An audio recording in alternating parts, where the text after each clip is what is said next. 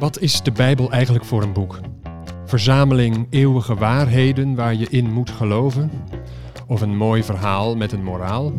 Een museum van oudheden, interessant voor de liefhebber, maar verder toch vooral achterhaald? Of kan het nog anders? In deze podcast ga ik in gesprek met theologen die die Bijbel zo gek nog niet vinden. Zij nemen ons mee door een tekst met een frisse, vrolijk, kritische blik en zoomen in op de vraag wat die vreemde tekst nu juist vandaag te zeggen heeft. Mijn naam is Marco Visser, vaste co-host is Rob Itman. Leuk dat je luistert naar de podcast De Nieuwe Bijbelschool.